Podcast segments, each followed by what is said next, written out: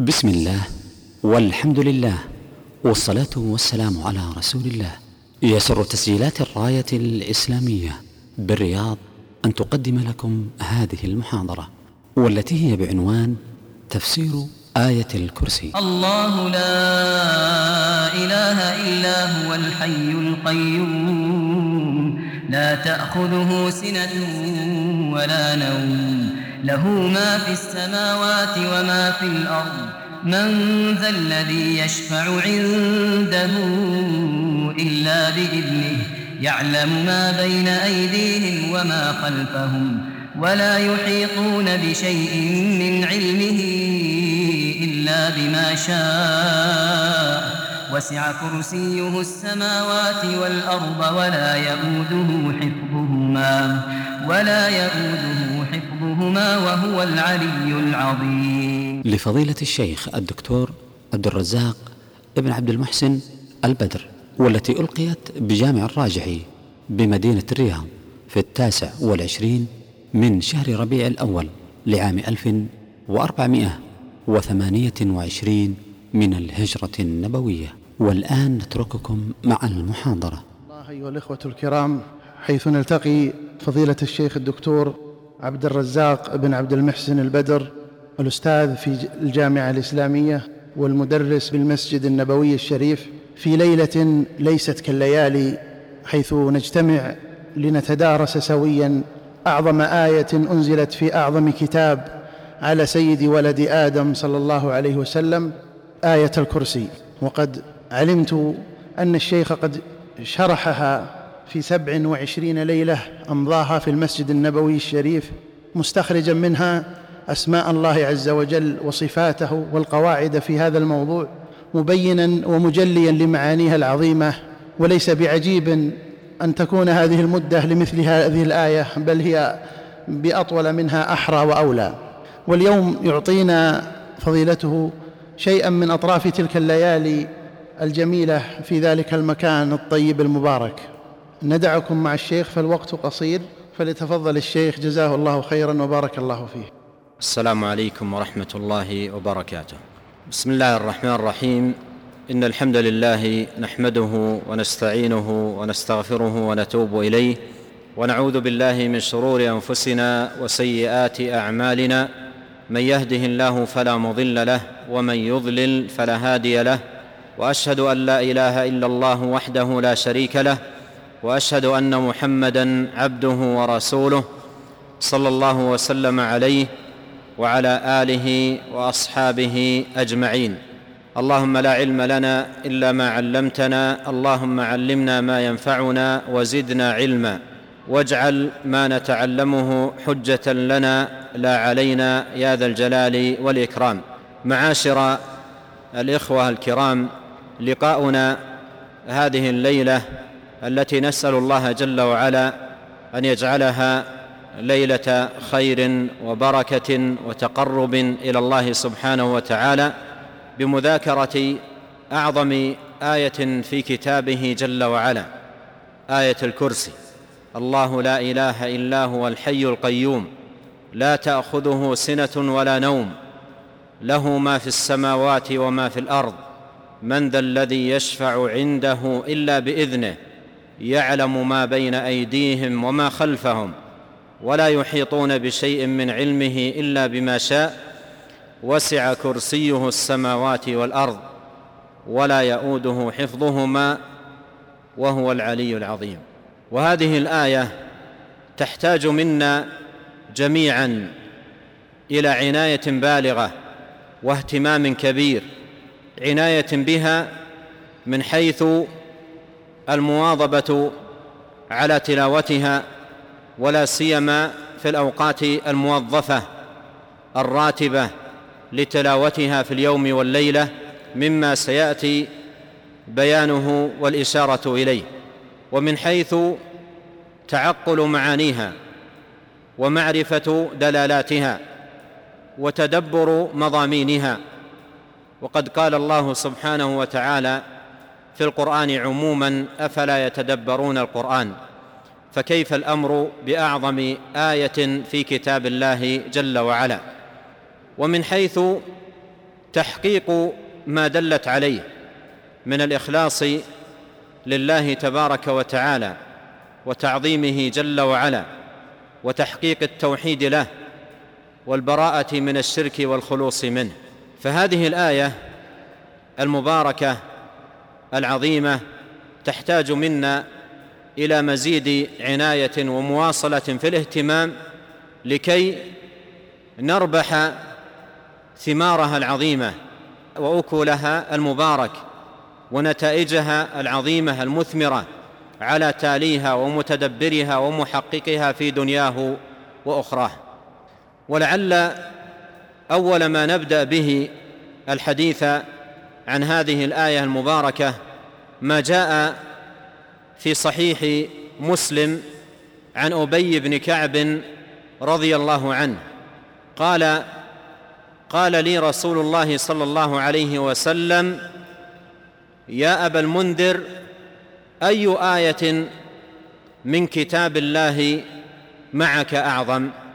أي آية من كتاب الله معك أعظم؟ قال قلت الله ورسوله أعلم. قال يا أبي أو يا أبا المنذر أي آية معك من كتاب الله أعظم؟ قال قلت آية الكرسي الله لا إله إلا هو الحي القيوم. قال فضرب النبي صلى الله عليه وسلم بيده على صدري وقال والله ليهنك العلم يا أبا المنذر. والله ليهنك العلم يا أبا المنذر. أي هنيئا لك هذا العلم العظيم الذي ساقه الله لك ومن عليك به ليهنك العلم. ويحلف على هذه التهنئة بالله تبارك وتعالى تعلية لهذا المقام وتفخيما لهذا الشأن. وهنا أيها الأخ الموفق لا بد أن تتأمل في أمور عديدة تبين لك عظم هذا الأمر وفخامته وكبره. أعني هذا الجواب المسدد الذي أجاب به هذا الصحابي الجليل رضي الله عنه. فتأمل اولا أن هذا الصحابي لما سأله النبي عليه الصلاة والسلام هذا السؤال أي آية معك من كتاب الله أعظم؟ وأبي من حفاظ القرآن فالقرآن معه كله في صدره يحفظ القرآن كاملا بل قالوا في ترجمته سيد القراء فمعه القرآن كاملا وآيات القرآن تزيد على الستة آلاف آية. والنبي صلى الله عليه وسلم يقول أي آية معك من كتاب الله أعظم؟ فهو يستخرج آية هي أعظم آية في القرآن من بين ما يزيد على الستة آلاف آية. ليس استخراجه لها من بين عشر آيات أو عشرين وليس استخراجه لها من بين مئة, مئة آية أو مئتين بل من آيات يزيد عددها على الستة آلاف آية.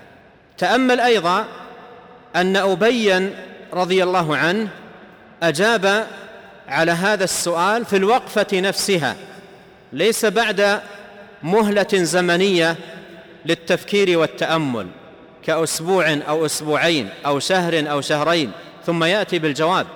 بل الجواب في الوقفة نفسها في أول الأمر لما سأله النبي عليه الصلاة والسلام أي آية معك من كتاب الله أعظم؟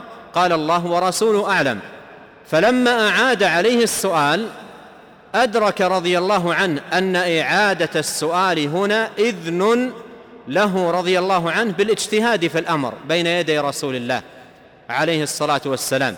فلما شعر بهذا الإذن في الاجتهاد أجاب فورا قائلا آية الكرسي الله لا إله إلا هو الحي القيوم. وهنا أيها الأخ الموفق حتى حتى تدرك السرعة العظيمة لاستخراج هذا الجواب في هذه الوقفة القصيرة واللحظة اليسيرة. تأمل في هذا المقام عظمة ومكانة التوحيد في قلوب الصحابة رضي الله عنهم. فهو سر الجواب وأساس المسألة. سر هذا الجواب وهذه المسألة العظيمة إدراك الصحابة رضي الله عنهم لمكانة التوحيد وعظم شأنه. وأن التوحيد هو أعظم شيء في القرآن. ولهذا أبي لما سأله النبي عليه الصلاة والسلام أي آية معك من كتاب الله أعظم؟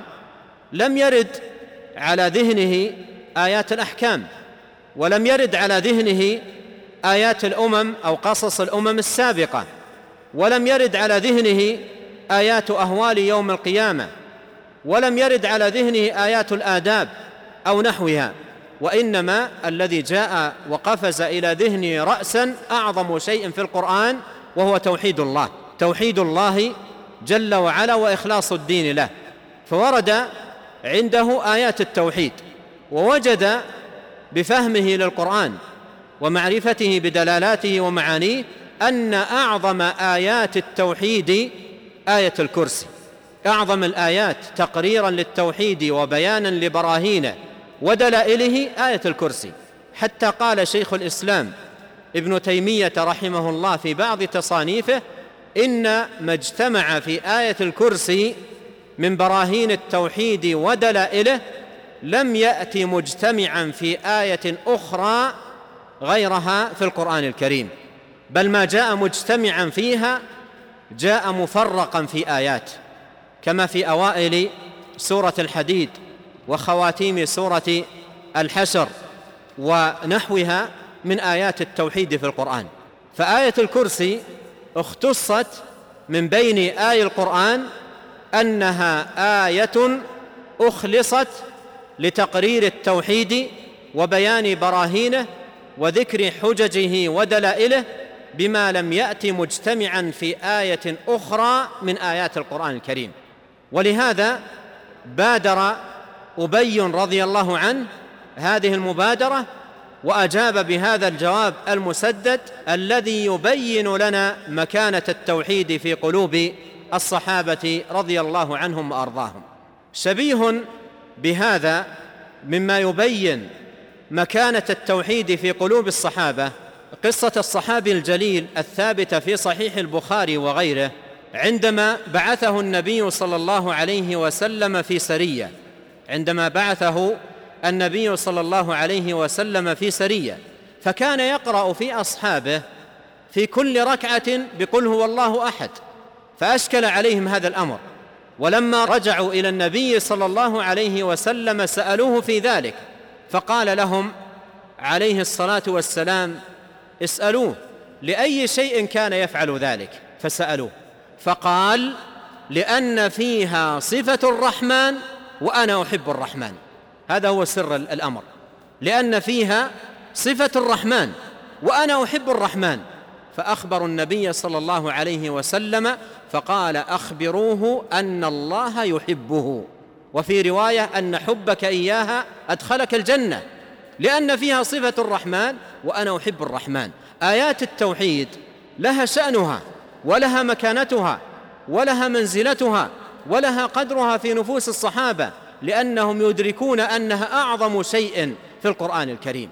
آيات أخلصت لبيان عظمة الرب لبيان جلال الرب لبيان كمال الرب سبحانه وتعالى لبيان أنه وحده جل وعلا المستحق للعبادة دون سواه جل وعز.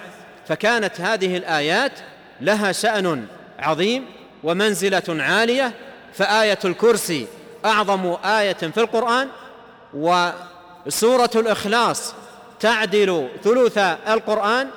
ومن قرأ سورة قل يا أيها الكافرون قبل أن قبل أن ينام كتب له براءة من الشرك كما ثبت بذلك الحديث عن النبي عليه الصلاة والسلام.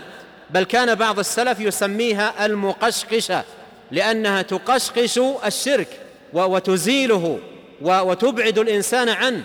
إذا قرأ هذه السورة متدبرا لها. فالشاهد أن هذه الآية العظيمة المباركة أعظم آية القرآن على الإطلاق وعظمتها من عظمة ألفاظها ومعانيها. وإلا فإن القرآن المتكلم به واحد وهو رب العالمين. ولكن آيات آياته وسوره تفاضلت بتفاضل الألفاظ والمعاني المبينة. فالآيات التي بين فيها التوحيد وبين فيها عظمة الرب وجلاله وكماله سبحانه وتعالى وبين فيها أنه المستحق للعبادة جل وعلا أعظم من غيرها من الآيات. وهذا أمر بينه العلماء وأطال في بيانه وتوضيحه شيخ الإسلام ابن تيمية رحمه الله في كتابه جواب أهل الإيمان في أن سورة قل هو الله أحد تعدل ثلث القرآن. أيها الإخوة هذه الآية المباركة آية الكرسي ورد عن نبينا صلى الله عليه وسلم في أحاديث عديدة حث على قراءتها وترغيب في تلاوتها وتوظيفها في أيام المسلم ولياليه. والذي ثبت عنه في هذا الباب أنها تقرأ قراءة موظفة راتبة في اليوم والليلة أدبار الصلوات الخمس كما في حديث أبي أمامة الباهلي في سنن النسائي وغيره عن النبي صلى الله عليه وسلم أنه قال من قرأ آية الكرسي دبر كل صلاة مكتوبة لم يمنعه من دخول الجنة إلا أن يموت. يقول ابن القيم رحمه الله في كتاب زاد المعاد سمعت شيخ الإسلام ابن تيمية رحمه الله يقول ما تركتها عقيب كل صلاة. ما تركتها عقيب كل صلاة ويشرع قراءتها كل ليلة إذا أوى المسلم إلى فراشه لما ثبت في صحيح البخاري في قصة أسير أبي هريرة رضي الله عنه والقصة طويلة وفي تمامها قال له الأسير دعني أعلمك كلمات ينفعك الله بها قال وما هي؟ قال تقرأ آية الكرسي الله لا إله إلا هو الحي القيوم إذا أويت إلى فراشك فإنه لا يزال عليك من الله حافظ ولا يقربك شيطان حتى تصبح. فسأل النبي عليه الصلاة والسلام عن ذلك فقال صدقك وهو كذوب. ويشرع قراءتها في أذكار الصباح والمساء مرة في الصباح ومرة في المساء في قصة أسير أبي بن كعب رضي الله عنه. وهي قصة مخرجة في سنن النساء ومعجم الطبراني وغيرهما وفيها أن أبيا لما أمسكه وقال له أجني أنت أم إنسي؟ قال أنا جني. قال ما الذي ينجينا منكم؟ قال ينجيكم منا آية الكرسي. إذا قرأتها في الصباح أجرت منا حتى المساء وإذا قرأتها في المساء أجرت منا حتى الصباح. فسأل النبي عليه الصلاة والسلام فقال صدقك. فهذه الأحاديث الثلاثة حديث أبي أمامة وحديث أبي هريرة وحديث أبي تدل على مشروعية قراءة هذه الآية المباركة قراءة موظفة راتبة خمس مرات أدبار الصلوات المكتوبة ومرة عند النوم إذا أوى المسلم إلى فراشه ومرة في الصباح ومرة في المساء. وليتنبه هنا أن هذه القراءة ينبغي أن تكون قراءة بتدبر وتعقل وتأمل وتجديد للإيمان واستذكار للتوحيد الذي دلت عليه هذه الآية. ولهذا نبه أهل العلم أن هذه الآية ونظائرها من آية القرآن الكريم أثرها في العبد فرع عن عناية العبد بتدبر معانيها وتأمل دلالاتها. ولعلك هنا ينقدح في ذهنك سؤال عن الحكمة في قراءة هذه الآية مرات وكرات في أيام المسلم ولياليه. وجواب ذلك أن ذلك كله استذكار للتوحيد وعناية بمقامه وتدبر لدلالاته وبراهينه. ليصبح المسلم في أيامه ولياليه لا يزال مستذكرا التوحيد مستحضرا له معتنيا بدلائله وبراهينه. وأقول هنا كلمة من حفظ هذه الآية وفهمها وتدبرها وعقل مدلولها وحقق ما دلت عليه خرج من الشرك كله أوله وآخره. وخلص له توحيده بإذن الله تبارك وتعالى. فهي آية لها شأنها ولها مكانتها ولها أثرها بل كما وصفها أهل العلم هي آية اشتملت على دروس مختصرة عظيمة النفع جليلة القدر في بيان التوحيد وتقريره وذكر دلائله وبراهينه. أيها الإخوة الكرام بدأت هذه الآية المباركة العظيمة بكلمة التوحيد الخالدة لا إله إلا الله. صدرت هذه الآية بكلمة التوحيد الله لا إله إلا هو. صدرت الآية بذلك. ثم أتبع هذا التصدير بذكر البراهين وحشد الأدلة على هذا التوحيد الذي خلق الخلق لأجله وأوجدوا لتحقيقه. التوحيد الذي خلقنا له صدرت الآية به. الله لا إله إلا هو. أي لا معبود بحق سواه. فكلمة لا إله إلا الله التي صدرت بها آية الكرسي هي أعظم الكلمات على الإطلاق وأجلها وليس في الكلمات كلمة أعظم من هذه الكلمة فهي أعظم الكلمات وأجلها. وقد قال النبي عليه الصلاة والسلام في بيان عظيم شأن هذه الكلمة وخير ما قلته أنا والنبيون من قبلي لا إله إلا الله وحده لا شريك له له الملك وله الحمد وهو على كل شيء قدير. فهي أعظم كلمة قالها نبي وهي أول كلمة يسمعها الأقوام من أنبيائهم وهي التي يسأل عنها الخلائق يوم القيامة فيوم القيامة يسأل الأولون والآخرون ماذا كنتم تعبدون وجواب ذلك الصحيح الذي لا جواب غيره لا إله إلا الله علما بمعناها وتحقيقا لمدلولها وقياما بمقتضاها. لا إله إلا الله هي كلمة التوحيد وكلمة الإخلاص وكلمة التقوى والعروة الوثقى كما قال الله سبحانه وتعالى في الآية التي تلي آية الكرسي فمن يكفر بالطاغوت ويؤمن بالله فقد استمسك بالعروة الوثقى أي بلا إله إلا الله. بل قال سفيان بن عيينة رحمه الله ما أنعم الله على عباده نعمة أعظم من أن عرفهم لا إله إلا الله. واقرأ دليل ذلك في سورة النحل التي هي سورة النعم كما يسميها بذلك جماعة من أهل العلم لكثرة ما عدد الله تبارك وتعالى بها من نعمه بدأها جل وعلا بأعظم نعمة فقال سبحانه أتى أمر الله فلا تستعجلوه سبحانه وتعالى عما يشركون ينزل الملائكة بالروح من أمره على من يشاء من عباده أن أنذروا أنه لا إله إلا أنا فاعبدون. فصدرت بأعظم نعمة وهي نعمة التوحيد التي تدل عليها كلمة التوحيد لا إله إلا الله. فآية الكرسي بدأت بهذه الكلمة العظيمة الله لا إله إلا هو أي لا معبود بحق سواه. بدأت بالمقصود الأعظم والغاية الأجل التي خلق الخلق لأجلها وأوجدوا لتحقيقها كما قال رب العالمين وما خلقت الجن والإنس إلا ليعبدون لا إله إلا الله نفي وإثبات وعليهما قيام التوحيد بل لا قيام للتوحيد إلا على هذين الركنين اللذين دلت عليهما هذه الكلمة العظيمة النفي والإثبات النفي العام في أولها لا إله نفي عام للألوهية عن كل من سوى الله وإبطال لها لا إله إلا الله إثبات للألوهية بكل معانيها وجميع دلالاتها لله تبارك وتعالى وحده. ولهذا لا يكون المرء موحدا إلا بالقيام بهذين الركنين العظيمين والأصلين المتينين اللذين دلت عليهما هذه الكلمة المباركة. لا إله إلا الله.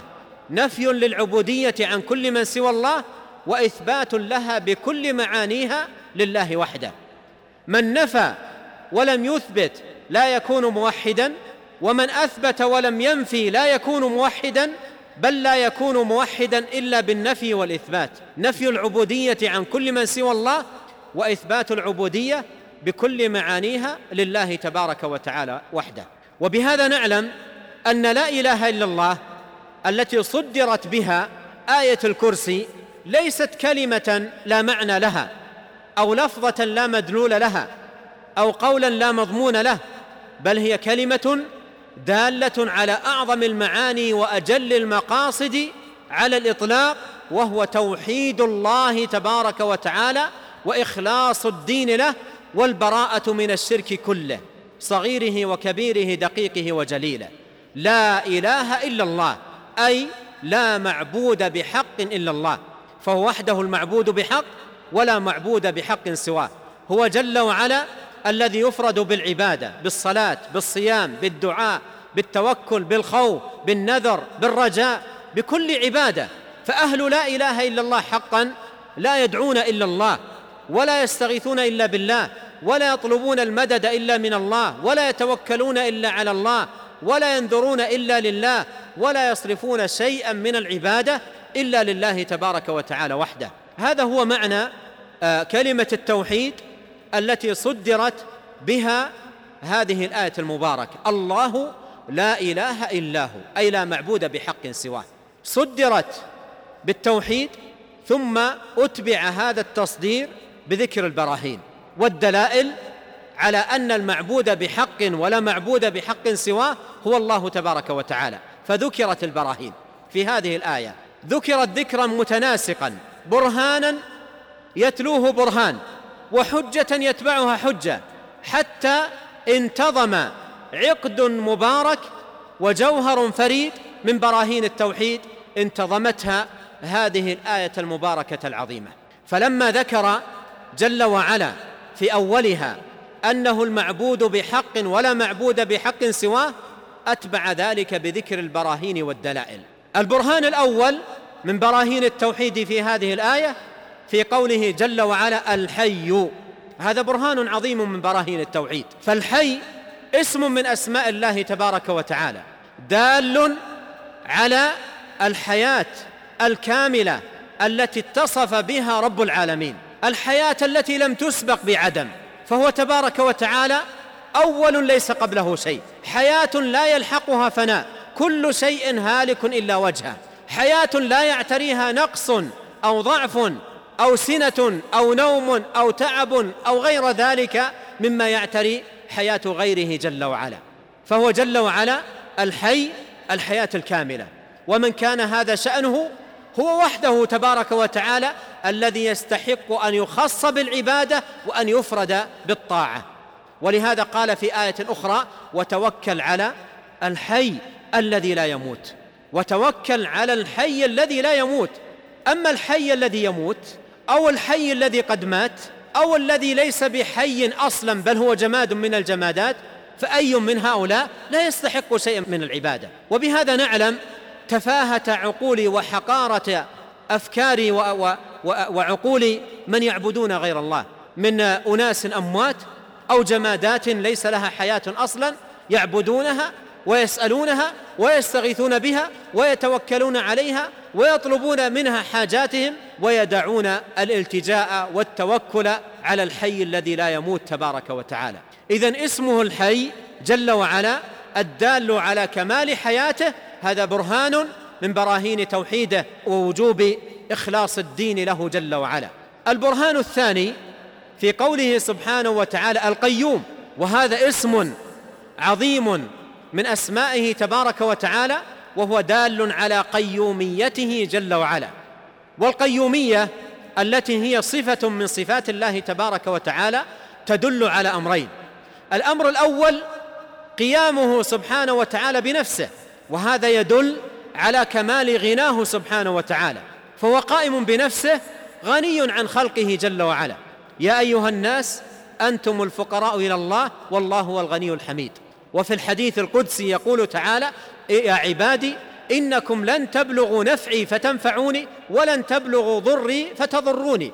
فهو جل وعلا قيوم قائم بنفسه غني عن خلقه.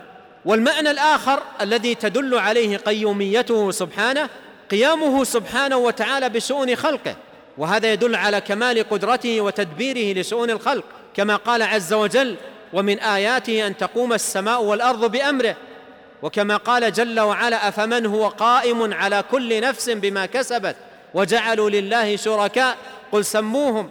وكما قال جل وعلا إن الله يمسك السماوات والأرض أن تزولا ولئن زالتا إن أمسكهما من أحد من بعده. فهو جل وعلا القيوم أي القائم بنفسه القيوم أي القائم بشؤون خلقه تصرفا وتدبيرا.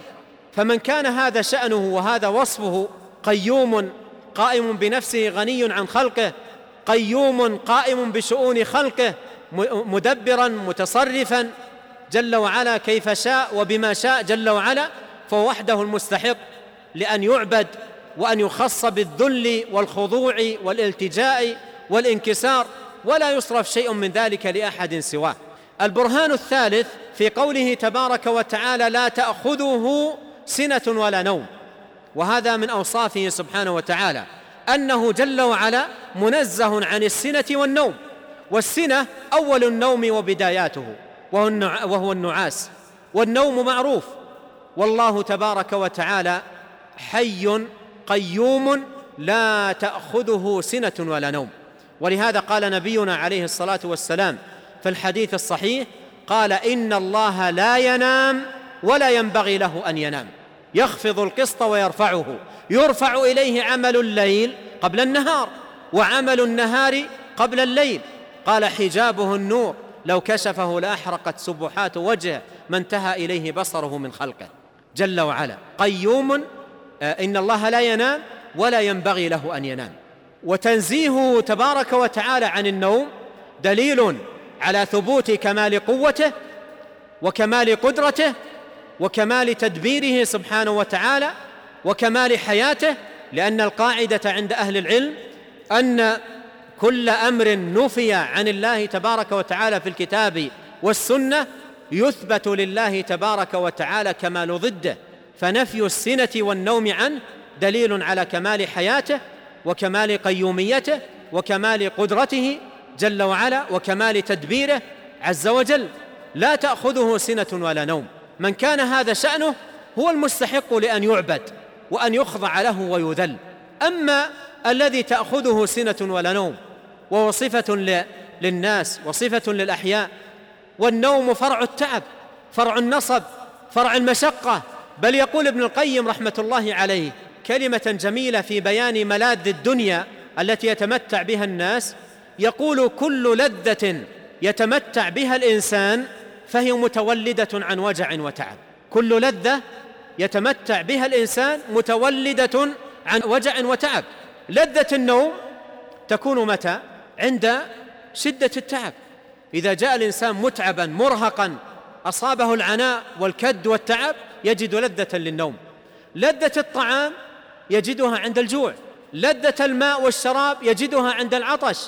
إذا كان الإنسان شبعان لا يجد لذة للطعام ولو كان من أهنأ الطعام وأطيبه. ولو كان رويان لا يجد لذة للماء. من فضلك اقلب الشريط.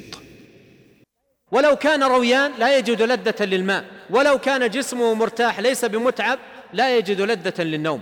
فلذات الدنيا للإنسان فرع عن تعبه. اذا النوم متولد عن تعب عن حاجة عن نصب. فمن كان شأنه النوم والتعب والنصب أيليق بمن كان هذا شأنه أن يصرف له شيء من العبادة أو يعطى شيء من الطاعة والخضوع والذل؟ اذا كونه تبارك وتعالى لا تأخذه سنة ولا نوم هذا من براهين توحيده ودلائل وجوب إخلاص التوحيد له جل وعلا. البرهان الرابع في قوله جل وعلا له ما في السماوات وما في الأرض هذا من براهين توحيده سبحانه. له ما في السماوات وما في الأرض أي ملكا وتدبيرا. كل ما في السماوات وما في الأرض ملك لله جل وعلا. وكل ما في السماوات وما في الأرض خاضع لتدبيره وتصرفه جل وعلا. الملك ملكه والخلق خلقه سبحانه وتعالى. هذا من براهين توحيده. له ما في السماوات وما في الأرض أي ملكا وتصرفا وتدبيرا. ومن سوى الله جل وعلا لا يملك في السماوات ولا في الأرض مثقال ذرة. قال الله عز وجل قل ادعوا الذين زعمتم من دون الله لا يملكون مثقال ذرة في السماوات ولا في الأرض وما لهم فيهما من شرك وما له منهم من ظهير ولا تنفع الشفاعة عنده إلا لمن أذن له. وقال جل وعلا والذين تدعون من دونه ما يملكون من قطمير إن تدعوهم لا يسمعوا دعاءكم. ولو سمعوا ما استجابوا لكم ويوم القيامة يكفرون بشرككم ولا ينبئك مثل خبير. ويقول جل وعلا قل ادعوا الذين زعمتم من دونه فلا يملكون كشف الضر عنكم ولا تحويلا. الملك ملك الله سبحانه وتعالى. ولا يوجد أي مخلوق كائنا من كان يملك في هذا الكون مثقال ذرة ملكا استقلاليا. نعم هناك من يملك لكن ماذا؟ يملك أملاكا ملكها بتمليك رب العالمين لها بتمليكه إياها رب العالمين. قال الله عز وجل قل اللهم مالك الملك تؤتي الملك من تشاء وتنزع الملك ممن تشاء وتعز من تشاء وتذل من تشاء بيدك الخير إنك على كل شيء قدير. ومن يملك شيئا في الدنيا فهو صائر إلى أحد أمرين إما أن يفارقه وما يملك أو يفارقه ما يملك. لا مناص. إما أن يفارقه ما يملك أو يفارقه ما يملك بجائحة أو تلف أو غير ذلك من الأسباب. وملكه لما يملك إنما ملكه بتمليك الله تبارك وتعالى له. الملك ملك الله سبحانه وتعالى. له ما في السماوات وما في الأرض. هذا من الدلائل والبراهين على أنه تبارك وتعالى المستحق لأن يعبد لأنه سبحانه وتعالى المالك لهذا الكون. ايليق والأمر كذلك أن يسوى به تبارك وتعالى مملوك من مماليكه ومخلوق من مخلوقاته يسوى به ويعدل به الحمد لله الذي خلق السماوات والأرض وجعل الظلمات والنور ثم الذين كفروا بربهم يعدلون مع أنه الخالق للسماوات والخالق للأرض والخالق لهذه المخلوقات ثم يعدل به يسوى به مخلوق من مخلوقاته ومملوك من مملوكاته سبحانه وتعالى. يسوى بالله تبارك وتعالى ويعدل به جل وعلا. هذا من أبطل الباطل وأظلم الظلم وأكبر الاعتداء. إن الشرك لظلم عظيم. ليس هناك ظلم أفظع ولا أشنع من أن يسوى مملوك من المملوكات ومخلوق من المخلوقات بالرب العظيم والمالك الجليل سبحانه وتعالى. اذا من براهين التوحيد ودلائله قوله جل وعلا له ما في السماوات وما في الأرض أي ليس له شريك في ذلك. تفرد بذلك عز وجل. وكما أنه سبحانه تفرد بالملك والخلق والرزق والتدبير والإحياء والإماتة فالواجب أن يفرد تبارك وتعالى وحده بالعبادة ولا يشرك به شيئا. البرهان الخامس في قوله سبحانه من ذا الذي يشفع عنده إلا بإذنه وهذا برهان عظيم من براهين التوحيد. من ذا الذي يشفع عنده إلا بإذنه؟ وهذا فيه كمال سلطانه تبارك وتعالى. فلا أحد يستطيع أن يشفع عند الله تبارك وتعالى إلا إذا أذن الله تبارك وتعالى له. فالملك ملك الله. ولهذا قال عز وجل ولا تنفع الشفاعة عنده إلا لمن أذن له. وقال جل وعلا وكم من ملك في السماوات لا تغني شفاعتهم شيئا إلا من بعد أن يأذن الله لمن يشاء ويرضى. نبينا عليه الصلاة والسلام يوم القيامة لا يشفع للناس إلا إذا أتاه الإذن الإلهي بعد سجوده لله رب العالمين ارفع رأسك وسل تعطى واشفع تشفع. لا أحد يشفع عند الله إلا إذا أذن الله سبحانه وتعالى. هذا برهان من براهين التوحيد وفيه ابطال لما عليه أهل الشرك في القديم والحديث من التعلق بغير الله تبارك وتعالى مدعين أنهم وسطاء وشفعاء يقربونهم إلى الله سبحانه وتعالى ويدنونه منه زلفى. قال عز وجل ويعبدون من دون الله ما لا يضرهم ولا ينفعهم ويقولون هؤلاء شفعاؤنا عند الله. وفي الآية الأخرى قالوا ما نعبدهم إلا ليقربونا إلى الله زلفى. فأبطل الله ذلك. قال من ذا الذي يشفع عنده إلا بإذنه. مهما على شأن الإنسان وارتفع مقامه وكبر جاهه عند الله لا يملك أن يشفع عند الله سبحانه وتعالى ولو لأقرب قريب. واسمع هذه القصة العجيبة المؤثرة وقد رواها البخاري في صحيحه من حديث أبي هريرة رضي الله عنه وأرضاه. قال يلقى آزر ابنه إبراهيم يوم القيامة أو قال يلقى إبراهيم أباه يوم القيامة آزر. وعلى وجهه قبرة وقترة. على وجه آزر قبرة وقترة. فيقول إبراهيم الخليل إمام الحنفاء يقول نبينا عليه الصلاة والسلام حتى نستشعر أكثر الأمر والمقام والجاه والمكانة. يقول عليه الصلاة والسلام إن الله اتخذني خليلا كما اتخذ إبراهيم خليلا. إبراهيم خليل الرحمن. جاهه عظيم ومكانته عظيمة ومنزلته علية. والذي سيشفع له والده والذي سيشفع له والده. قال يلقى إبراهيم أباه يوم القيامة وعلى وجهه قترة وغبرة فيقول له ألم أقل لك لا تعصيني؟ إبراهيم يقول لوالده ألم أقل لك لا تعصيني؟ فيقول والده الآن لا أعصيك. يقول الآن لا أعصيك لكن لا تفيد في ذاك الوقت. يقول الآن لا أعصيك. فيقول إبراهيم متوسلا طالبا من الله سبحانه وتعالى يقول يا رب ألم تعدني؟ اسمع ماذا يقول خليل الرحمن شافعا لوالده يا رب ألم تعدني ألا تخزني يوم يبعثون؟ وأي خزي أخزى من أبي الأبعد؟ الآن يشفع لوالده يا رب ألم تعدني ألا تخزني يوم يبعثون؟ وأي خزي أخزى من أبي الأبعد؟ فيقول الله تبارك وتعالى إني حرمت الجنة على الكافرين. إني حرمت الجنة على الكافرين. ثم يقول الله له انظر تحت قدميك. فينظر فإذا بذيخ ملطخ بدمه. الذيخ ذكر الضباع. فإذا بذيخ ملطخ بدمه يتحول والده على هيئة ذيخ ذكر الضباع. ويؤخذ بقوائمه ويلقى في نار جهنم. ويلقى في نار جهنم. الشفاعة لا تكون إلا بإذن الله. ولا تكون إلا لمن رضيه الله تبارك وتعالى.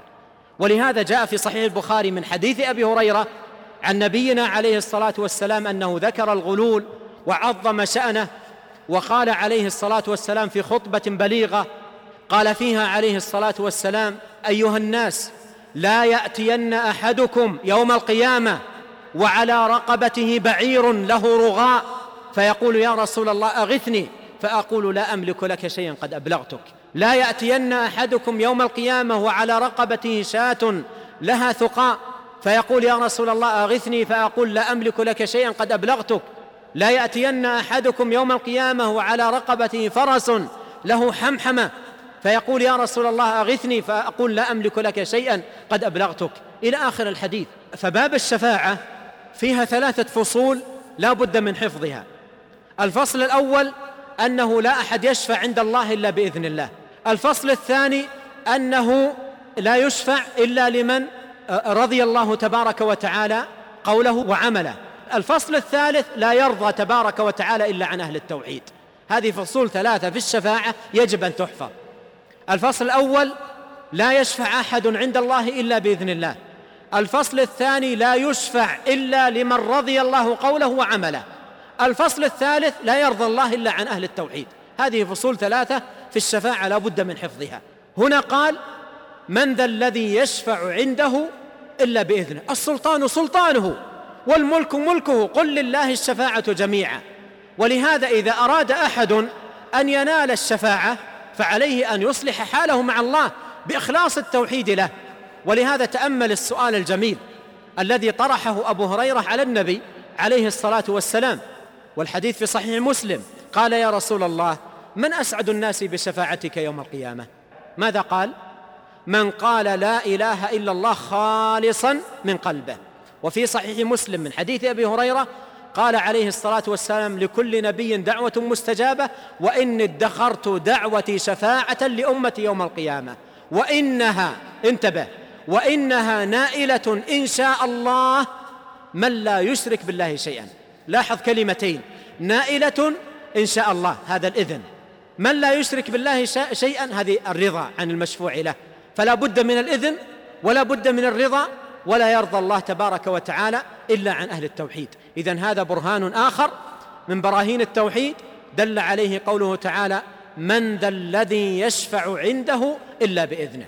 البرهان السادس في قوله تبارك وتعالى يعلم ما بين أيديهم وما خلفهم. هذا من براهين التوحيد. أنه تبارك وتعالى أحاط علما جل وعلا بكل شيء وسع كل شيء علما وأحصى كل شيء عددا يعلم ما كان وما سيكون وما لم يكن لو كان كيف يكون يعلم خائنة الأعين وما تخفي الصدور. أحاط علمه بجميع المخلوقات وبجميع البريات لا تخفى عليه. تبارك وتعالى خافية يعلم السر وأخفى. أحاط علما بكل شيء جل وعلا. فإحاطة علمه بالمخلوقات دليل على وجوب إخلاص الدين له وإفراده تبارك وتعالى وحده بالعبادة والخضوع له ومراقبته في الأعمال كلها والإخلاص له جل وعلا الذي يراك حين تقوم وتقلبك في الساجدين. فهذا من براهين التوحيد. وتأمل ارتباطا بين قوله له ما في السماوات وما في الأرض وقوله يعلم ما بين أيديهم وما خلفهم. الذي خلق المخلوقات علمه ولا شك محيط بها وهو القائل سبحانه وتعالى ألا يعلم من خلق؟ فخلقه لها دليل على علمه بها. وهنا يرد في ذهني قصة جميلة جدا ومفيدة ونافعة ذكرها التيمي في كتابه الحجة. يقول أحد الملاحدة أراد أن يشكك بعض الناس فقال لهم أنا أستطيع أن أخلق. ليس رب العالمين هو المتفرد بالخلق. أنا أستطيع أن أخلق. ائتوني بزجاجة. فجيء له بزجاجة ووضع فيها روثا ووضع فيها لحما وخلطها وأحكم غطاءها. ثم قال ائتوني بها بعد ثلاثة أيام. فجاءوا بها وإذا بها ممتلئة ماذا؟ ديدان. ممتلئة من الديدان. والديدان تتساقط منها وقد امتلأت بالديدان. فقال هذه أنا خلقتها. فقال له أحد الحاضرين وهو أصغرهم قال لم يكن أحد ليخلق إلا ويعلم عدد ما خلق وذكورهم من إناثهم وأرزاقهم وآجالهم فأبن لنا ذلك كله. كم عدد مخلوقاتك؟ كم الذكور من الإناث؟ أرزاقهم ما هي؟ وفاة كل واحد منهم متى؟ فبهت الذي كفر بهت الملحد. فالخلق دليل على ماذا؟ على إحاطة علم الخالق تبارك وتعالى بالمخلوقات. فهو سبحانه وتعالى وسع علمه كل شيء. ربنا وسعت كل شيء رحمة وعلما يعلم ما بين أيديهم وما خلفهم. أحاط علمه تبارك وتعالى بكل شيء لا تخفى عليه خافية في الأرض ولا في السماء. فهذا من براهين توحيده ودلائل وجوب إخلاص الدين له. البرهان السابع في قوله سبحانه وتعالى ولا يحيطون بشيء من علمه إلا بما شاء. وهذا فيه دلالة على ضعف المخلوقات. وأن المخلوق مهما أوتي من العلم فعلمه قاصر ناقص. علم مسبوق بعدم. والله أخرجكم من بطون أمهاتكم لا تعلمون شيئا. وآئل, وآئل إلى الذهاب. يرد ومنكم من يرد إلى أرذل العمر لكي لا يعلم من بعد علم شيئا. ويعتريه النقصان والنسيان. ولقد عهدنا إلى آدم من قبل فنسي. نسي آدم ونسيت ذريته وأيضا هو في كل ذلك علم قليل وما أوتيتم من العلم إلا قليلا. فعلم الإنسان قليل وضعيف وخاصر فكيف يسوى من هذا شأنه بالرب العظيم والخالق الجليل سبحانه وتعالى؟ البرهان الثامن في قوله سبحانه وتعالى إلا بما شاء أي أن الأمور كلها بمشيئة الله سبحانه وتعالى إلا بما شاء. ما شاء الله كان وما لم يشأ لم يكن. وفي القرآن الكريم يا أخوان ما يزيد على الأربعمائة آية كلها في ذكر أن الأمور بمشيئته. يرزق من يشاء يرحم من يشاء يعز من يشاء يذل من يشاء يهب لمن يشاء إناثا يهب لمن يشاء الذكور.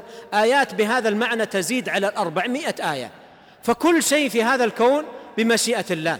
الرزق الموت الحياة الطعام الشراب كل شيء كل حركة كل سكون بمشيئة الله تبارك وتعالى. فالأمر كله بمشيئته. ولهذا يقول الشافعي رحمه الله في أبيات جميلة له في هذا المعنى يقول ما شئت مناجيا رب العالمين ما شئت كان وإن لم أشأ وما شئت إن لم تشأ لم يكن خلقت العباد على ما علمت وفي العلم يجري الفتى والمسن على ذا مننت وهذا خذلت وهذا أعنت وذا لم تعن. فمنهم شقي ومنهم سعيد ومنهم قبيح ومنهم حسن. الأمور كلها بمشيئة الله سبحانه وتعالى. هل يسوى من بيده كل, كل شيء؟ والأمور كلها بمشيئته ومعقودة بقضائه وقدره. بمن لا يملك شيئا ولا حول له ولا قوة إلا بالله العلي العظيم سبحانه وتعالى.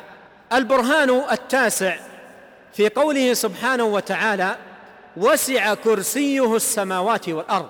وهذا برهان عظيم وعجيب من براهين التوحيد وفيه بيان لعظمة الله سبحانه وتعالى. ومما يبين لنا معنى هذا الجزء من الآية ما ورد في مسند الإمام أحمد وهو حديث حسن بشواهده عن أبي ذر رضي الله عنه قال لقيت رسول الله صلى الله عليه وسلم في البيت الحرام فقلت له يا رسول الله أي آية في كتاب الله أعظم؟ قال آية الكرسي الله لا إله إلا هو الحي القيوم. ثم قال عليه الصلاة والسلام ما السماوات السبع والأراضون في الكرسي إلا كحلقة من حديد ألقيت في فلاه؟ حلقة من حديد قطعة من حديد صغيرة رميت في صحراء ما نسبتها إلى الصحراء؟ يقول عليه الصلاة والسلام ما السماوات والأراضون في الكرسي إلا كحلقة ألقيت في فلاه وفضل العرش على الكرسي مثل فضل الكرسي على تلك على تلك مثل فضل الكرسي على الأراضين والسماوات. فتأمل هذه النسب العجيبة. الكرسي نسبة السماوات والأرض إليه كحلقة من حديد ألقيت في فلاه والعرش ونسبة الكرسي إلى العرش كحلقة من حديد ألقيت في فلاه أيضا تأمل النسب في محيطك الذي تعيش فيه. أرضك أنت الذي أنت عليها بما حولها من جبال. ما نسبتها إلى الأراضين؟ لو قارنت ما نسبتها إلى الأراضين؟ اولا ما نسبتها إلى الأرض ثم ما نسبتها إلى الأراضين ثم ما نسبتها إلى السماء الدنيا ثم ما نسبتها إلى السماوات السبع ثم ما نسبتها إلى الكرسي الذي وسع السماوات والأرض ثم ما نسبتها إلى العرش العظيم الذي استوى عليه الرحمن. إذا تفكرت هنا كما كما قال عليه الصلاة والسلام تفكروا في آلاء الله ولا تفكروا في الله. إذا تفكرت هنا هداك هذا التفكر إلى عظمة الخالق جل وعلا عظمة الرب سبحانه وتعالى. هذه مخلوقاته. كرسيه وسع السماوات والأرض وكرسيه بالنسبة للعرش كحلقة صغيرة من حديد ألقيت في صحراء. هذه النسب تبين لنا عظمة هذه المخلوقات فكيف بخالقها ومبدعها وموجدها تبارك وتعالى. ولهذا قال بعض العلماء كلمة عجيبة هنا قال إن ذكر الكرسي هنا تمهيد وتوطئة لبيان عظمة الرب الذي ختمت به الآية في قوله سبحانه وهو العلي العظيم. فإذا تأملت هنا هداك هذا التأمل إلى عظمة الخالق سبحانه وتعالى. ثم البرهان العاشر في قوله سبحانه ولا يؤوده حفظهما أي لا يثقله سبحانه وتعالى حفظ السماوات والأرض. فهذا دليل على أنه سبحانه وتعالى الحفيظ للسماوات وللأرض ولجميع المخلوقات ولا يثقله ذلك ولا يعجزه ذلك ولا يكرثه ذلك سبحانه وتعالى وتنزه ولا يؤوده حفظهما أي حفظ السماوات والأرض. سبحان الله. هل يسوى المحفوظ بالحافظ؟ كل المخلوقات محفوظة بحفظ الله. فهل يسوى المحفوظ بالحافظ؟ هل يسوى المربوب بالرب؟ هل يسوى المملوك بالملك سبحانه وتعالى؟ هذا يبين لنا تفاهة عقول من يلجؤون إلى غير الله. البرهان الحادي عشر والثاني عشر من براهين التوحيد في هذه الآية المباركة العظيمة آية الكرسي في قوله جل وعلا وهو العلي العظيم فختمت هذه الآية بهذين الاسمين العظيمين لله جل وعلا. أما اسمه العلي فهو دال على علوه تبارك وتعالى على خلقه ذاتا كما قال سبحانه الرحمن على العرش استوى وقهرا كما قال جل وعلا وهو القاهر فوق عباده وقدرا كما قال جل وعلا ما قدر الله حق قدره فالله عز وجل له علو الذات وعلو القدر وعلو القهر وعلوه سبحانه وتعالى برهان من براهين توحيده ووجوب إخلاص الدين له. ولهذا قال عز وجل في آية أخرى ذلك بأن الله هو الحق وأن ما يدعون من دونه هو الباطل وأن الله هو العلي الكبير. فعلوه سبحانه دليل على وجوب إخلاص الدين له وإفراده تبارك وتعالى بالتوحيد. البرهان الأخير في قوله العظيم الذي له العظمة سبحانه وتعالى عظمة الذات وعظمة الأسماء وعظمة الصفات واسمه تبارك وتعالى العظيم هو من الأسماء الدالة على معاني عديدة فمن الأسماء ما يدل على معنى مفرد ومنها ما يدل على معان عديدة مثل العظيم والسيد والحميد والمجيد وغيرها من الأسماء. فاسمه تبارك وتعالى العظيم دال على عظمته جل وعلا ذاتا وقدرا وعظمة في الأسماء والصفات وعظمة في الأفعال فالعظيم جل وعلا الذي له العظمة العظمة يقول سبحانه وتعالى إزاري والكبرياء ردائي من نازعني واحدا منهما قذفته في النار فالعظيم هو الذي يستحق أن يذل له ويخضع وتصرف له أنواع العبادة. ولهذا جاء في آه، الحديث الصحيح أن نبينا عليه الصلاة والسلام كان يقول في ركوعه وسجوده سبحان ذي الجبروت والملكوت والكبرياء والعظمة. فهذه كلمات آه، مختصرة حول هذه الآية العظيمة المباركة آية الكرسي وإشارة إلى ما اشتملت عليه من البراهين العظيمة والدلائل البينة الواضحة على وجوب إخلاص الدين لله جل وعلا وإفراده تبارك وتعالى بأنواع العبادة ذلا وخضوعا وتذللا وانكسارا ودعاء ورجاء ورغبا ورهبا وأنا لنسأل الله تبارك وتعالى بأسمائه الحسنى وصفاته العلى أن يرزقنا توحيدا خالصا وايمانا صادقا واقبالا على الله تبارك وتعالى وأن يصلح لنا ديننا الذي هو عصمة أمرنا وأن يصلح لنا دنيانا التي فيها معاشنا وأن يصلح لنا آخرتنا التي فيها معادنا وأن يجعل الحياة زيادة لنا في كل خير والموت راحة لنا من كل شر وأن يزيننا بزينة الإيمان وأن يجعلنا هداة مهتدين وأن يصلح لنا شأننا كله وأن يغفر لنا ذنبنا كله دقه وجله أوله وآخره سره وعلنه وأن يغفر لنا ولوالدينا وللمسلمين والمسلمات والمؤمنين والمؤمنات الأحياء منهم والأموات. إنه تبارك وتعالى غفور رحيم وصلى الله وسلم وبارك وأنعم على عبد الله ورسوله نبينا محمد وآله وصحبه أجمعين. أحسن الله إليكم وبارك الله فيكم. هذا أخ سائل يقول أحسن الله إليكم نطلب منكم إعادة البراهين بإيجاز حتى يتسنى لنا كتابتها إعادة البراهين بإيجاز الأول الحي الدال على كمال حياة الله سبحانه وتعالى والبرهان الثاني القيوم الدال على كمال غناه وكمال قدرته عز وجل البرهان الثالث الذي له ما في السماوات وما في الأرض ملكا وتصرفا وتدبيرا والبرهان الرابع في قوله من ذا, من ذا الذي يشفع عنده إلا بإذنه في بيان كمال سلطانه وأن الأمور كلها بإذنه ولا يملك أحد الشفاعة عند الله إلا بإذنه تبارك وتعالى. وعرفنا الفصول الثلاثة العظيمة التي يجب أن تعرف آه، في موضوع الشفاعة. البرهان آه، آه، نعم قبل ذلك الحي القيوم لا تأخذه سنة ولا نوم لا تأخذه سنة ولا نوم. هذا البرهان الثالث. البرهان الرابع له ما في السماوات وما في الأرض. البرهان الخامس من ذا الذي يشفع عنده إلا بإذنه. البرهان السادس يعلم ما بين أيديهم وما خلفهم إحاطة علمه تبارك وتعالى بالمخلوقات.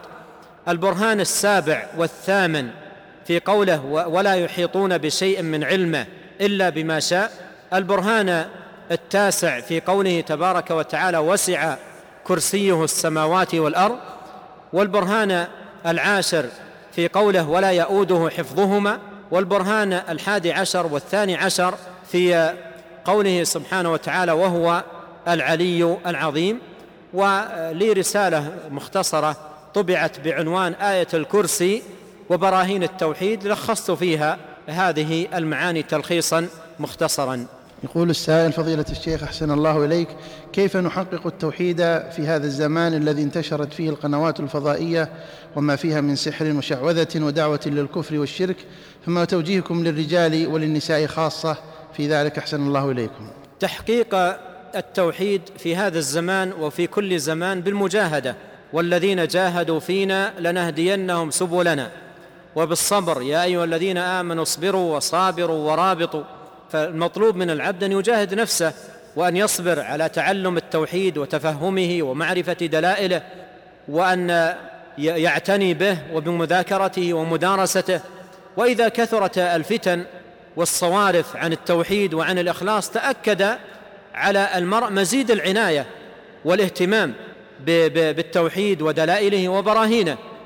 فمع كثرة الفتن في هذا الزمان والصوارف والصواد عن التوحيد يتأكد على كل مسلم أن تعظم عنايته بالتوحيد وأن يكون توحيده أغلى شيء عنده وأثمن شيء يملكه فيعتني به مذاكرة ومدارسة وتعلما وتحقيقا وتطبيقا ومجاهدة للنفس على القيام به وسؤالا لله تبارك وتعالى بدوام واستمرار على الثبات على الحق والهدى. فهذا كله من الأمور التي ينبغي ان أن يعتني بها العبد. وقد قال عليه الصلاة والسلام قلوب العباد بين أصبعين من أصابع الرحمن يقلبها كيف يشاء. وكان أكثر دعائه عليه الصلاة والسلام يا مقلب القلوب ثبت قلبي على دينك. فالواجب على المسلم أن يكثر من سؤال الله تبارك وتعالى الثبات على الحق والثبات على الدين والثبات على الإخلاص وأن يعيذه من الضلال. جاء في الصحيحين من دعائه عليه الصلاة والسلام اللهم لك أسلمت وبك آمنت وعليك توكلت وإليك أنبت وبك خاصمت أعوذ بعزتك لا إله إلا أنت أن تضلني فأنت الحي الذي لا يموت والجن والإنس يموتون. يقول السائل ما معنى قوله تعالى أفمن هو قائم على كل نفس بما كسبت وجعلوا لله شركاء يقول الله سبحانه وتعالى أفمن هو قائم على كل نفس بما كسبت وجعلوا لله شركاء قل سموهم أم تنبئونه بما لا يعلم في الأرض أم بظاهر من القول بل زين للذين كفروا مكرهم وصدوا عن السبيل ومن يضلل الله فما له من هاد فهنا صدرت هذه الآية ببيان كمال قيومية الله سبحانه وتعالى وأنه القائم على كل نفس بما كسبت. جميع النفوس قائمة بإقامة الله لها وبتدبيره وتصريفه سبحانه وتعالى. فكل نفس قائمة بإقامته سبحانه. وجعلوا لله شركاء أي جعلوا له شركاء من مخلوقات لا تملك ولا تنفع ولا تعطي ولا تمنع وليس لها من أمرها شيء فضلا عن أن تملك شيئا من أمر غيرها. جعلوا للقيوم تبارك وتعالى شركاء من مخلوقاته. فيقول الله سبحانه وتعالى مبطلا هذا الشرك قل سموهم أم تنبئونه بما لا يعلم في الأرض؟ سموا هؤلاء الشركاء. وعندما يسمى هؤلاء الشركاء يتبين أن واقعهم في الحقيقة أسماء سماها هؤلاء هم وآباؤهم ما أنزل الله بها من سلطان. فهي أسماء سميت زورا وباطلا وادعيت آلهة وصرف لها حق الله تبارك وتعالى وهي لا تملك لنفسها ضرا ولا نفعا ولا عطاء ولا منعا فضلا عن أن تملك شيئا من ذلك لغيرها. أم تنبئونه بما لا يعلم في الأرض؟ فهذا أيضا من البراهين إحاطة علمه تبارك وتعالى بجميع المخلوقات وجميع الكائنات وهذه المخلوقات لا تملك شيئا وليس بيدها عطاء ولا منع ولا خفض ولا رفع. فذلك كله بيد الله عز وجل. فالآية من آيات التوحيد وذكر براهينه وبيان حججه وبيان بطلان ما عليه أهل الضلال والباطل ممن يصرفون العبادة لغير الله تبارك وتعالى. نختم بهذا السؤال. يقول إذا قرأت آية الكرسي بعد صلاة الفجر فهل أقرأها ثانية لأذكار الصباح أم أن الأولى تكفي عنها؟ آية الكرسي ورد في في في في حديث أبي أمامة أنها تقرأ أدبار الصلوات المكتوبة ورد في حديث أبي أنها تقرأ في أذكار الصباح والمساء. فتقرأها أدبار الصلوات وتقرأها في وردك اليومي الذي تأتي به صبيحة كل يوم ومسائه. والله تعالى أعلم وصلى الله وسلم على عبد الله ورسوله نبينا محمد وآله وصحبه أجمعين.